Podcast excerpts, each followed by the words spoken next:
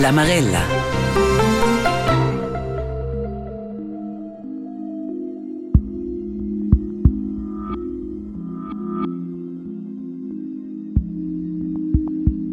ed era là, c'era 6, 7 ore se questo popin non è einfach ni ora e non leva in andretta ed era stangela. Era veramente là il ginecologo e la hebamma e quel sto zanno scofato era di spitta, intanto c'era anche le sdöglias per... Uh, yoga ci va in avanti. Auf jeden Fall hat sie mich dann gezwungen, mehrmals ähm, aufzusitzen, damit sie ihre Untersuchung machen kann. Ich habe mich vor allem voll hilflos gefühlt. Și nasce un papin es quai minceada co un piccin miracol. Mamma ed ufant sun frisch se sans e fortunats. Vegna sovent proclamar fin già be pacas uras da vola nascenza.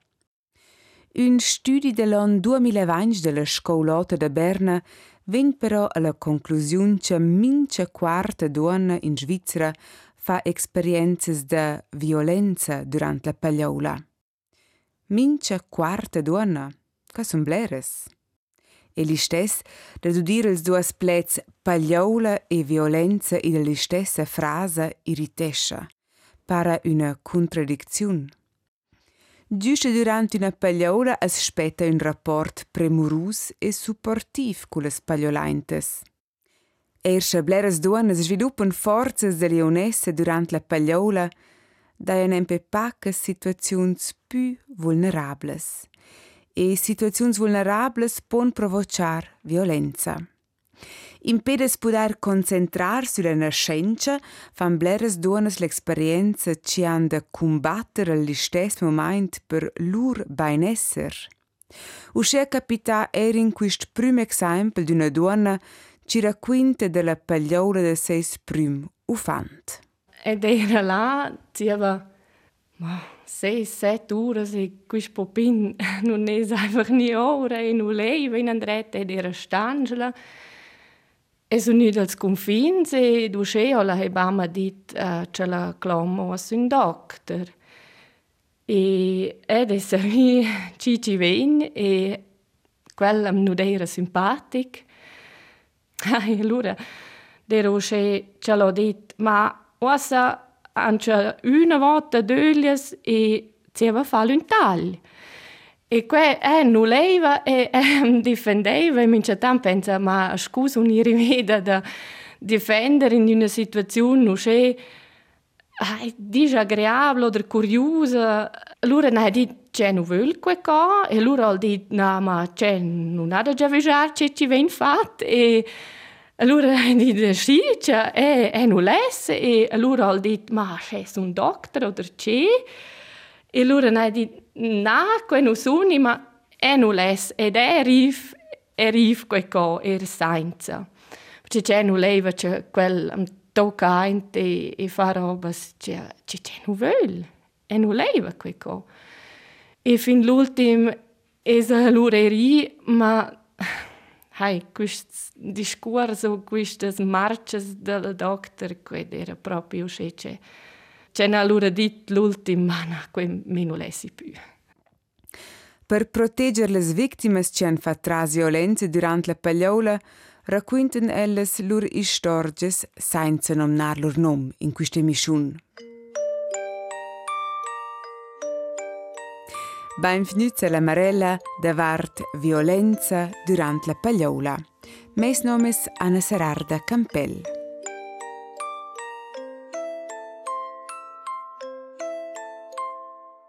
Sco violenza durante la pagliola va la mince azione ci surpassa els confins della pagliolainta.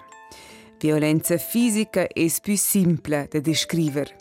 La pro toccano per esempio tails perineals senza avvertiment, examinazioni vaginales grobes o operazioni senza narcotizzazione sufficiente.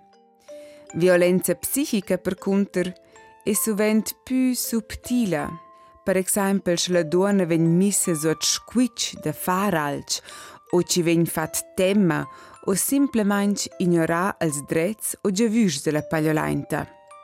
Questa esperienza ha fatto la prossima donna ci racconta si storgia.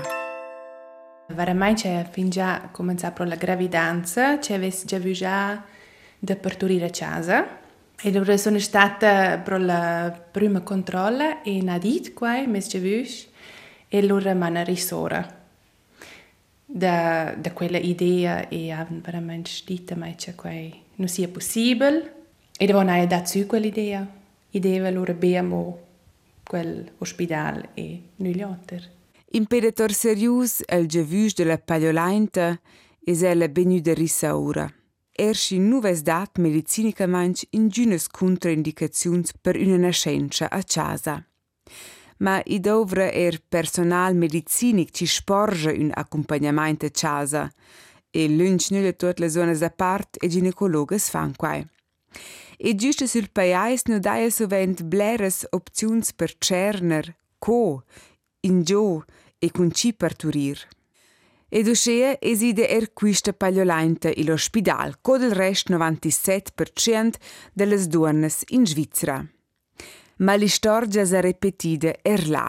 Er là nu son nuts resguardats seis giavürs, er quia senza un motiv medicinic. Pro la nascenza uh, naia er giavüja giusto de prima d'event, c'è lesa uh, parturire in tilaua, in il bagno, e qua vessen veramente nu in questo ospedale, mi hanno detto che non sia nerna possibile. E allora aia er durafic lunch, le ultime döglies, veramente là il ginecolog e la hebamma e quels due anni scofat er di spitta, intanto era anche le döglies per uh, fare yoga ci va in avanti. E hanno loro domandato a mesom, che c'è is des far. C'è des a appunto far un taglio e fare in avanti oder, oder nulla e noi in quel momento non erano veramente capabili di decidere. E loro hanno deciso per fare un taglio e per strarore veramente con vacuum al papin. E loro è stato difficile svelte. E Quai ci dera davò però il più triste è che la hebamma non è veramente spunuta per noi per torcum già e per, per dire arrivare. Quelle non vanno mai più viste. E davò quelle abbiamo ir a casa. Mince pagliola è un'esperienza unica e li stess han blers racquins de duonas per toccas alc comunaivel. Les pagliolaintes nos senten tuttes seriuses, ma bain impusantes. Ci sia simplement nu fat con elles. Oggetts or de quals si sto torora un popin. Tuot tenor al credo, basta ce l'ufante san. Un motiv ci dà quist focus sull'ufant pudes esser che ozendi parturisce una donna in Svizzera in media più un ufante mezz. Ed uscea sono els ufants diventats più prezius. Is pudes craier che oz stoia ir in prima linea baina l'ufant, si sto esser a cost della mamma. L'istess nu vegna discuri jente quis problem, anzi, sovente vegnan bagatelizzats il traquins delle spertoccas. Violenza durant la pagliola para d'esser un fenomen del minciadì ci ven simplement tolerà e dell'istess moment un dels ultims tabus in nostra società.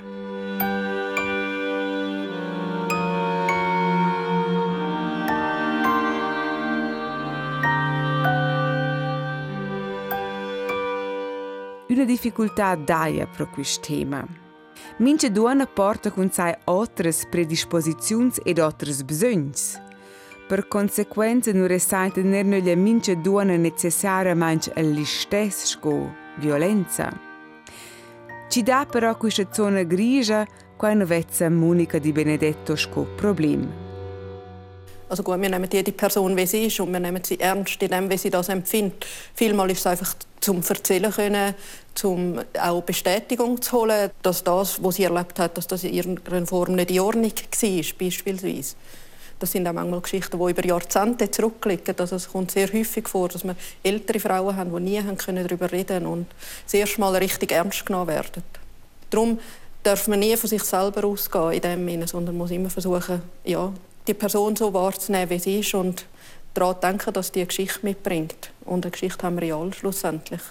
Monica Di Benedetto è la presidente dell'Unione Gewaltfreie Geburtshilfe, ci dà una voce a donne che hanno fatto esperienze di violenza durante la nascenza.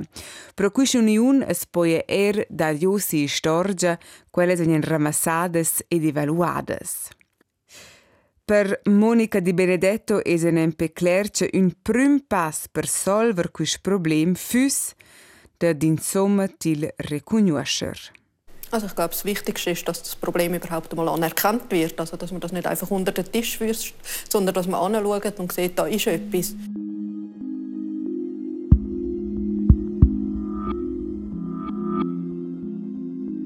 In media nascono in Svizzera mince di 240 ufans. Sono partin quella cifra con 4, loro vezzaina che mince di daia in Svizzera 60 donne ci fan esperienze non gevugiate o traumatiche durante la pagliola. Questa cifra risulta d'un studio dell'anno 2020 della scuola di Berna. La cifra inufficiale si sgiura a mo più alta, dice Monica Di Benedetto. Sovent nu sien les duonas neanca propcia conscientes ci sien diventades victimas de surpassamaints. Mice tant es aia erbe un curius sentiment de vola pagliola. Fakt is, violenza durante la pagliola daia. Violenza durante la pagliola pon commetter doctors e doctresses, duonas da part, ma era il partenari o altres personas presentes. Violenza daia durante pagliolas a casa, in una casa da parturir e naturalmente er all'ospedal. Duonas ci parturiscono la prima volta sun probabilmente a mo un puin più sovent per toccas. Ma Quai può essere il caso per la nascenza del terzo fant, uscea capità pro quisce donna con raiz in grigiun. Ella sia arrivata fin già con döglias depression all'ospedale ed in cessa veivla questo fant vuol nir e son pronta e les ir in questo processo. Und bin dort so mega unhöflich empfangen worden von der Hebamme. La pagliolainte con esperienza era pronta per parturir l'ufant e leva far qua in snuoglia per terra sin tutte squatter. Ma la donna da parte aveva un'altra agenda in la sala da parturir. Als wir dann dort angekommen sind, hat sie dann die erste Untersuchung machen, wie Pulsmasse, Blutabnehmen, das ZTG anhängen. Und ich hätte sollen so auf eine Pritsche rauf, sitzen und das ist dann halt nicht gegangen, weil ich bereits halt immer wieder die Presse hatte. Und bin dann halt immer wieder auf dem Boden in der, in der Vierfüßer stand. Und hat dann wie, wie gefunden, ja, sie müssen die Untersuchung machen, das geht jetzt so nicht. Auf jeden Fall hat sie mich dann gezwungen, mehrmals ähm, aufzusitzen, damit sie ihre Untersuchung machen kann. Aber ich habe, habe mich immer halt wieder abgeschwungen, sozusagen auf den Boden, in der Vierfüßerstand. Und ähm, sie haben dann das Zweite auf mich eingeredet und gefunden, das geht so nicht. Ich müsse, ich müsse das über mich ergehen lassen. Und hat mich dann halt immer wieder auf die Pritschen auf. Ich müsse dort oben gebären. Finalmente ha il personal dell'ospedale acceptato che la pagliolainte non laisse parturir sul letto, ma l'istess non ha tutte le storge una buona fin, anzi. Ja, und dann habe ich irgendwie das Gefühl gehabt, jetzt habe ich es endlich geschafft, dass mich in Ruhe lassen. Und dann haben sie mir aber das zweite auf der Rücken. Für den Vierfüßerstand geht hinten auf der Rücken und sie haben mich das zweite Höhe haben sie mich dann gehebt. Con parturir suot grand stress e contra la volontà lo fant in rein, sa la pagliolainte blessada malamainch. Mais de terapia fisica e psichica sunt seguits. Il protocollo de nascenza dell'ospedale sta scritto che la pagliolainte sia traumatizzata dalla sveltezza della nascenza. Ma là sta scritto che la pagliolainte aia parturì una matta, ersche ses popin d'era un mat. Denir tnuda cum forza de duas personas estres in rein durant la pagliola, quai sia stat il problem in tuna ella.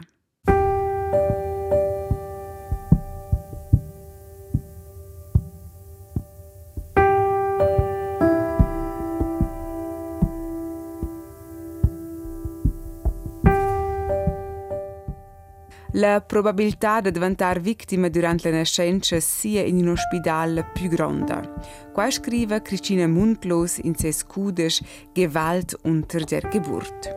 D'una part dette là certs andaments ci stoppten ihr fats den Protokoll independentemein dels besögns des clientes. Impustut però cresce il rischio di diventare vittima di violenza con l'aumento di differenze interesse. Che vuol dire, da più persone ci sono presenti durante una pagliola, da più interesse particolare ci dà e più grande ci diventa uscire il rischio che una di quelle persone sia pronta a sforzare tras sei interessi. Sara Lehner è donna da parte appassionata. Ella ha lavorato in differenti grandi ospedali sulla bassa. Erst tutti volen tenorella be al melder per mamma ed ufant, vezza ella blers problems fundamentals. E non si può dire semplicemente faccio simpel questo è il problema e questa è la soluzione, perché questa è una situazione complessa di diverse robe. E quais prima in mei söls fich ferme le condizioni de lavoro ad in ospital. No van in si el bler malas paias e deixen el bler massa pac personal per qua ci füs lavoro da far. Also qual es dir fich bler wenn ihr halt der avant che no van sco una dona de part de vera de dus fin drei stundes. Quai meine halt der quai che is es constant so stress. Er quai meine halt a frusto, ad una atmosfera nu relaxada dels ospitals. Tots lavuran sün centi vanch, tots sun in pal confin. Hai, e penso che non mai ne propcia cioè, quella atmosfera ci stovres per parturir. Pagliole sun diventadas più giures scuomo avant ce Allo stesso momento continuesce il trend di patologizzare la gravidanza e la pagliola. B6 duanas partorisce in Svizzera l'Eurofund senza intervenzioni mediciniche. Il numero di induzioni si ridobla durante gli ultimi 20 anni. La rata di tals cesarians è in Svizzera fin già lunch sur 30%, intanto che la WHO cusaglia B10 fin 15%. E con un'intervenzione segua sovent una prossima e da moina e duschena avant. Les donnes assainten sovent lasciadas solettas in tale situazions e non conoscono lor drets. Queste difficoltats conosce er la donna da part Sara Lehner. Sono discurin bler di una cascada di intervenzioni. Con un'intervenzione vengono bler a altre intervenzioni. Io penso che il secondo punto è è più che essere in speranza per turir e als ci sa naturalmente fiducia in per sé e des halt er fich blera tema da qua Allora halt pient intervenar tra se ama sa blesch kun ama sa pag. Il motiv per la malpazienza e l'ota rata di intervenzioni può essere er il sistema da renda quint. Ils ospidals ston far profit, ma nascences nus laschen propce planisar tras. La nascenza spontana senza intervenzions es oramai finanzialmente la main lucrativa. I da una pauschala indipendentemente della durata della pagliola e quam personal ci vin dovrà. Diagnosis però ci han per conseguenza intervenzions ponir misses a quint supplementarmente. Dit cuort la sanità pubblica in Svizzera motivesce in sed intimar le spagliolaintes a parturir più svelt co possibel.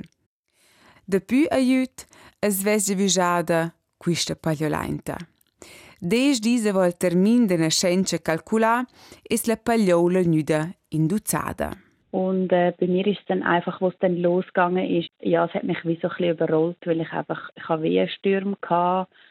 Unsere Betreuung, die Hebamme, die ist einfach nicht mehr rum gewesen. Also wir haben dann nie niemand mehr wirklich gehabt, der für uns zuständig war. Das war eigentlich so ein bisschen Problematik gewesen, dass dann wirklich niemand Zeit hat für uns, für mich, mich zu unterstützen. Dopo più ore soletti in una stanza, è la pagliolainte arrivata e la sala da parturire. Per qua ci aveva fin già tutto il tempo il bisogno di smacciarore l'ufant, erst la bocca della madre non era mognanca aperta, hanno cusliato a fare una PDA, di meno una anestesia peridurale per calmar il bagil. Ma curce la PDA era finalmente fatta, hai fin già guarda ora il Chawin del Popin. Ja, das ist dann so ein bisschen das andere gewesen. Also das eine, dass sie wirklich keine Zeit für uns und das andere, dass sie dann eine Intervention durchgeführt haben, die wahrscheinlich gar nicht nötig gewesen wäre.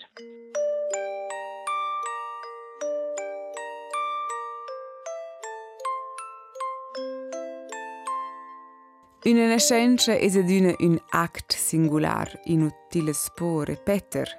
Per cui è sovente difficile d'accettare il capità se non esi o scees co già vigia o se sono capitate robe che hanno surpassato un confine personale. Una Un'enescenza traumatica può avere conseguenze fatali per la mamma e tutta la famiglia.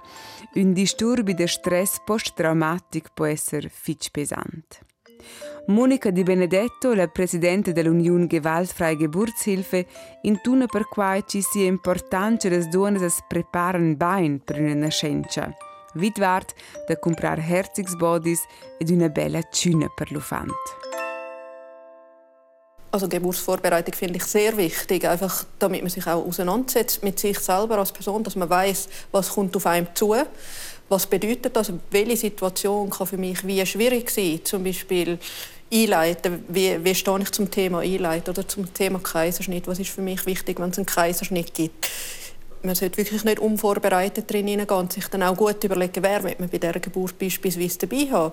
Oder dass man sich überlegt, dass man zum Beispiel auch Schwangerschaftskontrolle bei den Hebammen machen kann. Oder vieles ist auch Aufklärung, also dass man weiß, dass man verschiedene Möglichkeiten hat. Oder dass man anschaut und sagt, hey, ich habe Angst vor dieser Situation. Ja, was macht mir denn Angst schlussendlich und wie kann man das auflösen? Oder was brauche ich in diesem Moment? Weil Angst erzeugt wiederum Verspannung und das ist unter der Geburt nicht wirklich effektiv.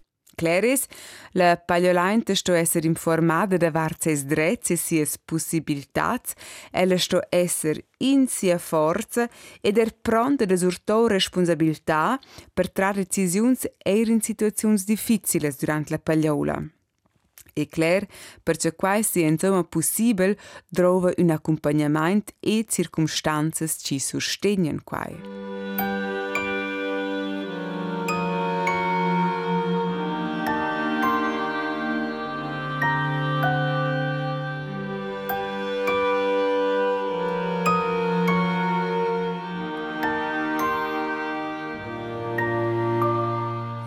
Ma non gli be pagliolaintes fan esperienze di violenza durante la nascenza. Perdute e vittime indirecte diventano era els partenaris o personal dell'ospedale. Quell'esperienza ha fatto Sara Lehner, curceradera a mo in scolazione per diventare donna da parte. La era muscolare da donna da parte e l'ana è semplicemente visto che des mi guarda quanto in avanti ci des avert. La bocca da madre e ci dei semplicemente non fatto questa esaminazione fitch groba manch. Senza proprio domandare prima la donna se questo ok e ci dos e desura proprio non guardare fitch grob. O se ci dei fatto un passang. E um, quella situazione aveva la donna fatta dita smettere e dis non fatto avanti. La era proprio la situazione, non aveva scolare halt proprio il diretto dire exalt, e là hat la situazione de dinamica so hierarchies. E um, hai, quando era scrischeiba, simplesmente perduta e despro e non ha stes fatto nulla. Perché le più donne che possibile possono avere buone esperienze durante la pagliola, sto ottenere ad una derce sensibilizzare al tema, dice Sara Lehner. Also penso che non siano tutti conscienti, ma proprio per sapere che non si può fare nulla senza ad una domandare. Era permesso. Also questo è essere chiaro. E l'Unione Gewaltfreie Geburtshilfe ha inoltre avanti due anni una petizione con tante roter seguentes pretaises. Für uns wäre es wichtig, dass eine 1 zu 1 Betreuung unter der Geburt stattfindet. Da braucht es vielleicht auch ein Umdenken eigentlich zu der bestehenden Situation. Ganz wichtig ist auch, dass die hebammengeleitete Geburtshilfe weiter gefördert wird. Das sind auf jeden Fall Sachen. Und ich finde, die Forschung darf man nicht außer Acht lassen. C'è il fenomeno violento durante la parola non es per scrutare profondamente e si conferma che la problematica nu vegn amo propcia tutta seriosa, un tabù. E da a bler da far, in quel sen abunans d'udir.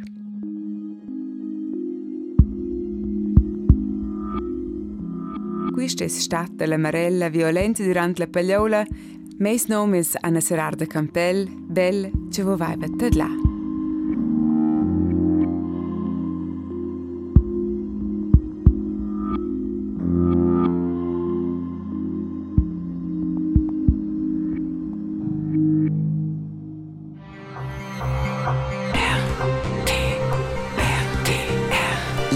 la.